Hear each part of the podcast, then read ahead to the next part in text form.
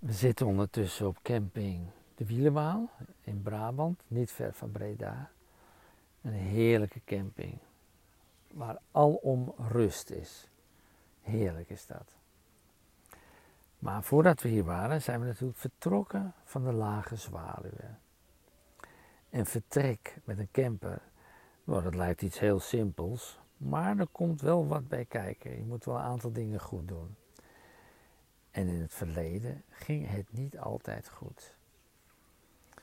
Ik herinner me nog dat we in de winter wegreden bij de camping Rabbit Hill. En we waren al door de slagbomen heen. We reden naar de 302, dat is de verkeersweg. En ik moest voor de verkeersweg wachten, omdat daar meestal een stroom heen en weer rijdt. In mijn spiegel zag ik dat een mevrouw uit de auto achter me sprong, naar ons toe rende en op het raam klopte. Ze zei, meneer, bent u wel bewust dat er iets achter u aanhuppelt? Uh, ik, ik, het is uw uh, elektriciteitssnoer. Nou, dat is toch ongelooflijk dat je zoiets vergeet. Nou, dat is niet het enige wat mis kan gaan. Ik heb ook wel eens mijn water bijgevuld. Hè. Voordat, je water, voordat je vertrekt moet je soms wat lozen en wat vullen. We hebben graag onderweg ook water bij ons. En dat is de kunst om op tijd bij de loosplek te zijn, want je wilt niet in de geuren staan van de camperaars die daar hun grijs water hebben geloosd. Want dat ruikt niet altijd even fris.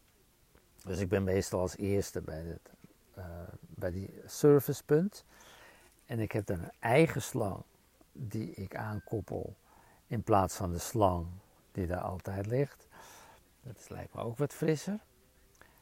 En die doe ik dan in de vulopening en Ule houdt in de gaten of er genoeg water in zit.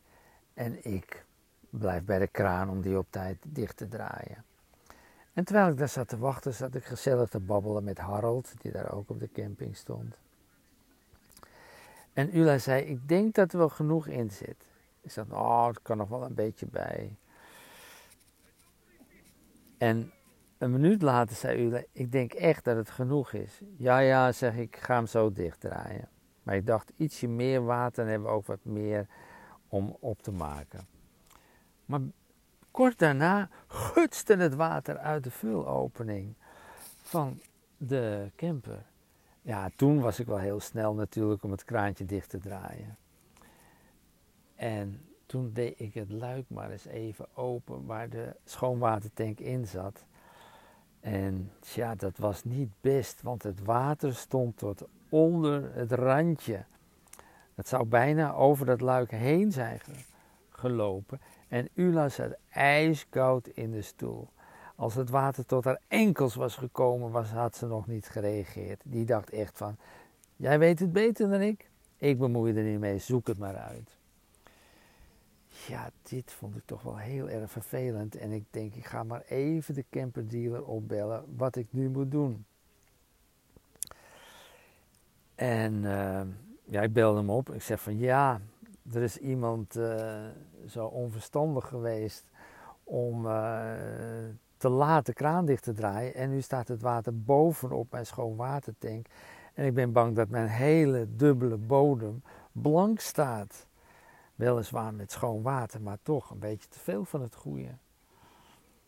Nou, zegt de camperdier, diegene die dat bij u heeft gedaan, die is niet de enige hoor, want er zijn wel meer mensen die die vergissing maken. En speciaal voor dat soort mensen heeft de dealer een gaatje gemaakt in de bodem, zodat het overtollige water gewoon wegloopt. Maakt zich geen zorgen. Maar vanmorgen ging alles prima. Want we zijn natuurlijk ondertussen geroutineerd. Ula rijdt die camper eruit. Dat doe ik ook niet, want ik heb in het verleden heeft me dat te veel geld gekost. Ula doet het keurig. Maar ik moet er wel bij zeggen, zij profiteert wel van mijn fenomenale professionele aanwijzingen hoe zij moet draaien en rijden om er op een goede manier uit te komen.